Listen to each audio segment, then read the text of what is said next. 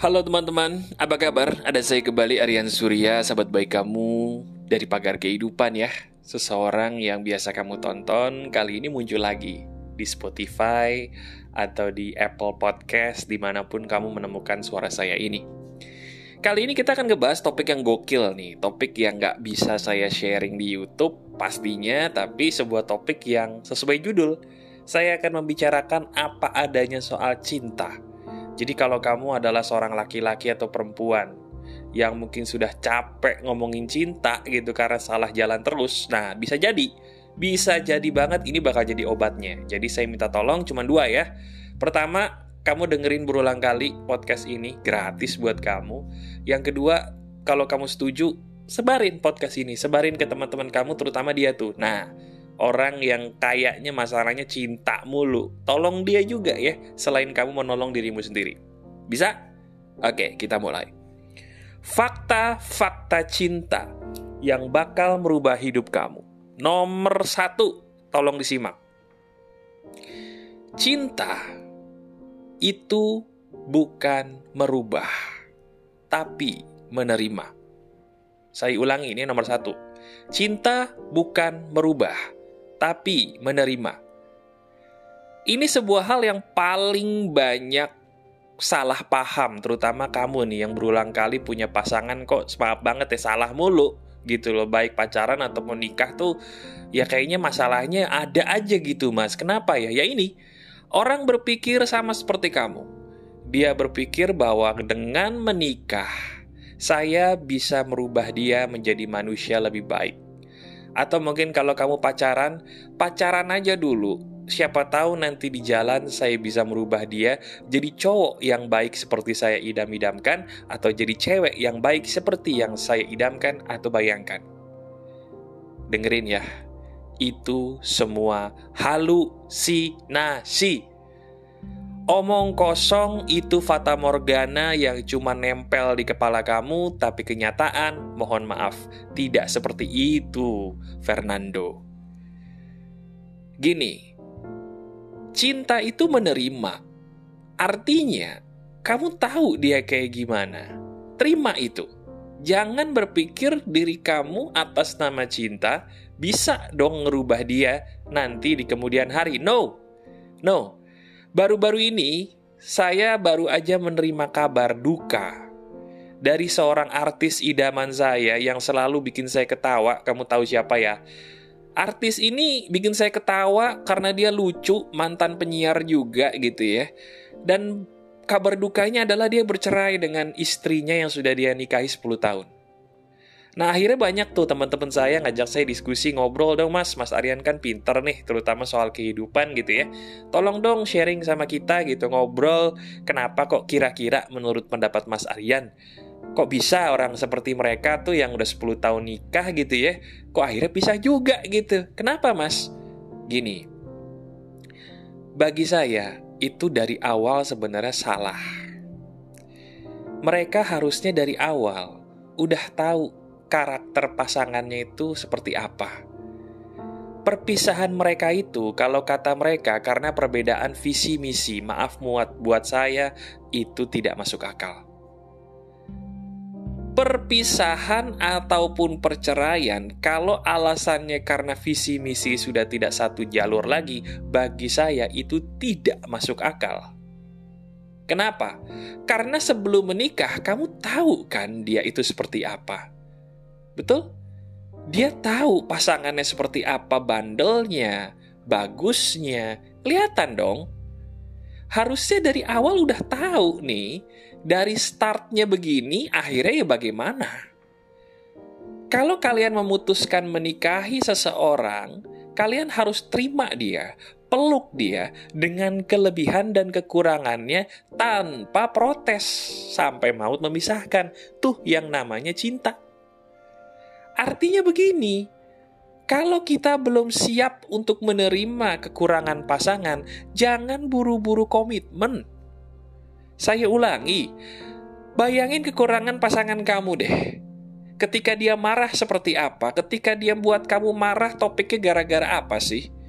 Terima nggak kamu dengan itu semua? Kalau nggak bisa terima, nggak salah kok. Tapi jangan pilih dia. Pilih yang lain, biarkan dia dengan orang lain. Karena pada dasarnya, omong kosong cinta itu harus merubah orang. Tidak, cinta itu menerima. Ketika kita tidak bisa menerima kekurangan, jangan nikahi dia. Saya ulangi, jangan nikahi dia. Saya ulangi, jangan nikahi orang yang tidak bisa kita terima kekurangannya. Dan satu lagi, tidak boleh kita berpikir bahwa nanti di tengah jalan dia bisa berubah seperti yang kita bayangkan. No, no, no.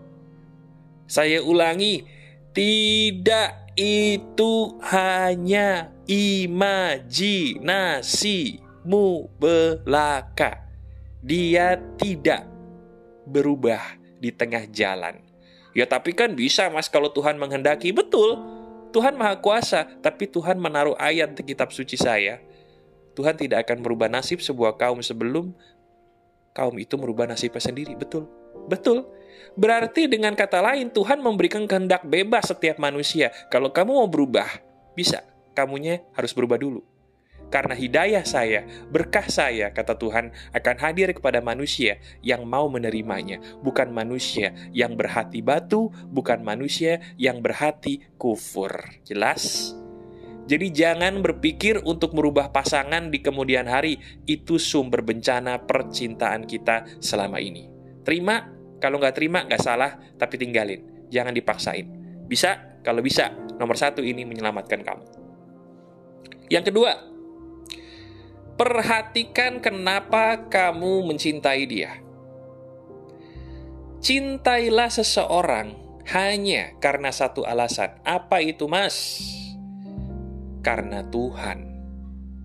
Saya ulangi, karena Tuhan. Artinya apa? Secinta-cintanya kamu sama kelebihan dia. Percaya deh, saya udah nikah nih. Percaya, kamu akan ada momen ilfil sama kekurangan dia kekurangannya dia itu nggak akan kelihatan sebelum kamu hidup 24 jam bersebelahan sama dia. Dan suatu saat ketika kamu mengagumi dia sebagai alasannya kamu untuk menikahi dia, kamu kagum dengan kelebihan dia itu ya, nanti suatu saat kamu akan kaget begitu ngeliat kekurangan dia. Kenapa? Karena ternyata kekurangannya bisa jadi, bisa jadi lebih parah dari apa yang kamu bayangin. Nah ini yang membuat orang tuh jadinya nggak bisa berpikir jernih. Begitu tahu kekurangan pasangan gitu ya, dia langsung ilfil. Karena dia menikahinya cuman karena kelebihan pasangan doang, akibatnya begitu ilfil apa? Ya udah, jadi nggak bisa komunikasi lagi, bahkan beberapa milih selingkuh, sampai akhirnya berpisah, kasihan anak. Ya, jadi kalau kamu mencintai seseorang, kamu lihat, cinta kamu sama dia gara-gara apa sih? Kalau gara-gara fisik, jangan nikahi. Kalau gara-gara perilaku, boleh dinikahi, tapi kamu harus siap ingat perkataan saya, kelebihan dia ada kekurangannya juga. Nah, ini yang harus kamu tahu. Batasan kekurangan yang bisa kamu toleransi dan tidak. Dengerin, saya bilang akan ada kekurangan pasangan yang tidak bisa kamu lihat di depan mata dan butuh waktu untuk ketahuan. Betul. Kekurangan itu semua harus kita terima, betul. Tapi ada dua kekurangan yang tidak bisa kita toleransi lagi, dan kalau ini terjadi, kita harus cabut. Apa pun alasannya, cabut. Apa dua kekurangan itu, Mas? Yang pertama, ketika pasanganmu main fisik mukulin kamu, tinggalin dia. Yang kedua, ketika pasanganmu terbukti selingkuh, tinggalin dia. Cuman dua itu aja. Saya ulangi ya. Kekurangan pasanganmu apa pun, apa pun, terima kalau kamu udah nikah. Ya, kalau belum nggak apa-apa, nggak, nggak diterima. Tapi kalau nikah, terima semua kekurangan.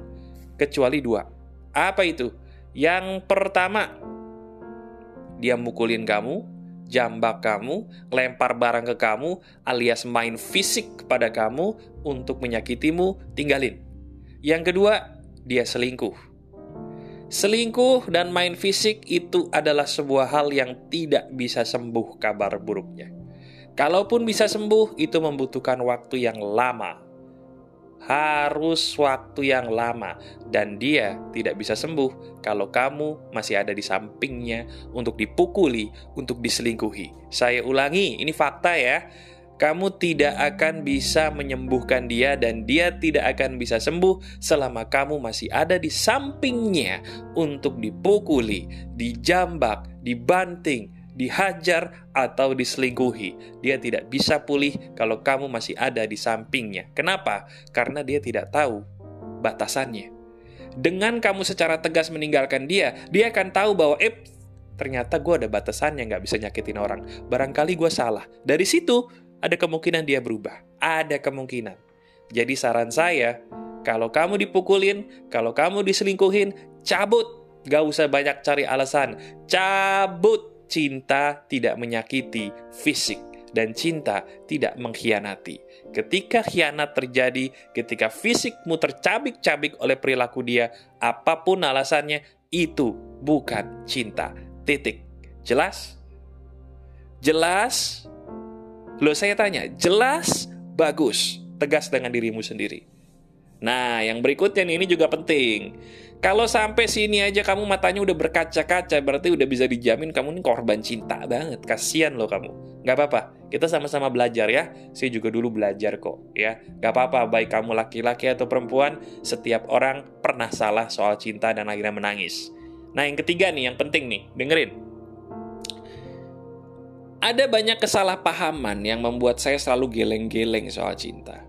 Banyak, termasuk salah satunya adalah yang satu ini apa itu, Mas? Hidupmu adalah milikmu, bukan milik orang lain. Artinya apa? Kamu mau menikah, mau punya anak atau tidak, itu keputusan kalian, bukan keputusan netizen. Kamu mau punya anak berapapun, itu keputusan kalian, bukan keputusan netizen atau keluargamu. Kalian mau anaknya itu sekolah di mana, mau melakukan apa, itu keputusan kalian, bukan keputusan netizen atau saudara atau keluarga. Ini menjadi hal yang harus saya tekankan dari depan. Kenapa? Karena cuma kalian yang tahu apa sih yang menjadi kelebihan dan kekurangan keluarga kalian, betul nggak? Halo, cuman kalian yang paling tahu apa sih yang jadi kekurangan dan kelebihan keluarga kalian. Kalau kalian merasa kayaknya nggak bisa mas kita nih punya anak karena kita ngerasa masing-masing secara psikologi belum siap, lakukan. Gak usah punya anak. Atau tunda punya anak dulu nggak apa-apa. Kenapa? Daripada kalian maksa punya anak tapi nggak sanggup, yang kasihan tuh anak kalian loh. Bukan netizen, bukan saudara, bukan teman-teman kalian yang menghujat. Mereka tuh nggak akan peduli dengan itu semua mereka nggak akan ikut bantu ketika kalian gagal didik anak. Mereka nggak akan support kalian. Paling jauh cuman berkata, tenang ya, kita doain kamu. Pret. Pret. Doain apa? Coba lihat doanya. Apakah dia mendoakan kamu? Tidak. Mereka cuman ibah. Padahal begitu kamu ngerasa nggak siap punya anak, mereka paling menghujat. Tapi begitu kamu punya anak dan terbukti belum sanggup, mereka lepas tangan pertanyaannya, kok kita siap ya diatur orang? Emang siapa orang-orang itu? Mereka bukan siapa-siapa. Kamulah yang memutuskan bersama pasanganmu mau punya anak atau tidak, mau punya anak berapa, mau menyekolahkan anak di mana, mau menjadikan anak itu menjadi arahnya ke arah mana, dengan cara yang bagus seperti apa, kalian yang lebih tahu. Keluarga kalian sendiri. Bisa atau tidak? Bisa nggak kamu sebagai seorang ayah atau seorang ibu nanti melakukan hal itu? Kalau bisa, bagus. Itu namanya cinta. Di mana kalian bisa memimpin keluarga kalian sendiri. Itu bagian dari cinta loh. Karena banyak, mohon maaf rumah tangga hancur karena dirinya mengizinkan orang lain ikut campur. Betul apa betul? Betul apa betul? Betul, itu fakta. Nah yang terakhir, Fakta yang menjadi penutup yang harus kamu tahu, dengerin baik-baik. Secinta apa pun kalian dengan pasangan kalian, kalian pasti akan bosan juga. Saya ulangi, Bosannya kalian dengan seseorang bukan karena dia itu yang membosankan, bukan, tapi karena dia dan kamu manusia normal. Sehebat apa pun pasangan kita, sekeren apa pun pasangan kita, seganteng apa pun, secantik apa pun pasangan kita, tetap pasti suatu saat bikin bosen. Kenapa? Karena itulah manusia. Manusia itu selalu akan bikin bosan. Bosan, gak bisa. Gak usah jauh-jauh, kamu lihat aja teman kamu. Ada gak teman kamu yang ngebosenin? Ada ya, tapi pertanyaannya apakah kamu meninggalkan dia ketika dia ngebosenin sebagai seorang teman? Enggak. Enggak kan? Akhirnya kalian tetap jadi teman gak sampai sekarang? Tetap. Nah, pernikahan itu seperti itu. Percintaan itu pun seperti itu. Kalian sehebat apa pun cintanya dengan pasangan, tetap akan bosan tetap akan bosan. Itu di garis bawah, ingat pesan saya. Tetap akan bosan. Nah pertanyaannya, apakah ketika bosan kita harus cari yang baru? Apakah ketika bosan kita harus pergi? Tidak. Tidak. Ketika bosan, kalian tetaplah bersama. Kenapa? Karena bosan itu akan hilang dengan sendirinya ketika kalian bersama, bukan ketika cari yang baru. Ketika kalian cari yang baru, kalian akan bosan lagi. Ketika kalian bosan lagi, cari yang baru lagi, bosan lagi, terus-terusan ujung-ujungnya, kalian jadi hampa, bingung mau ke mana. Betul gak? Nah sekarang, kamu udah tahu bahwa ternyata bosan itu obatnya bukan cari yang baru, tapi kalian tetap bersama dengan dia, lakukan kegiatan yang belum pernah kalian lakukan. Itu jadi bukan kabur, tapi cari kegiatan baru. Karena ketika kalian cari kegiatan baru, bosannya akan hilang, jadi cinta lagi, jadi mesra lagi gitu loh. Jelas ya? Jadi nggak akan ada nih harusnya sahabat pagar kehidupan yang udah nemuin podcast ini, terus masalah cintanya masih norak gitu. Nggak, nggak, nggak ya. Jangan jangan mengemis iba sama orang lain, suruh orang lain kayaknya, oh kasihan kamu, oh kasihan, sabar ya. Nggak, nggak. Sahabat pagar kehidupan nggak boleh gitu. Sahabat pagar kehidupan udah tahu batasannya mengenai cinta yang benar sama cinta yang ngayal. Saya memberikan ini hadiah emas buat kamu secara gratis. Bahkan kamu nggak usah nonton iklan apa pun nggak gratis. Dengan harapan apa? Kamu dengerin nih kamu dengerin berulang kali dan kamu praktekin. Dengan harapan dengan kamu praktek, hidup kamu membaik percintaannya dan satu, tidak mengemis iba. Sahabat pagar kehidupan tidak boleh mengemis iba untuk dikasihani orang lain, baik kamu perempuan ataupun laki-laki, tidak boleh. Kenapa? Karena pengemis iba itu adalah kemiskinan mental. Saya ulangi, kemiskinan mental adalah salah satu ciri dari kemunduran hidup seseorang. Kalau orang secara mental udah miskin, deh dia nggak bisa ke mana-mana, nggak bisa maju, nggak bisa bahagia, susah. Dan ciri khas orang yang miskin mental apa? Dia berharap diibain nama orang, curhat di sini, curhat di sana, berharap diibain sama orang. Itu adalah mental miskin. Dan kamu, iya kamu bukan seperti itu.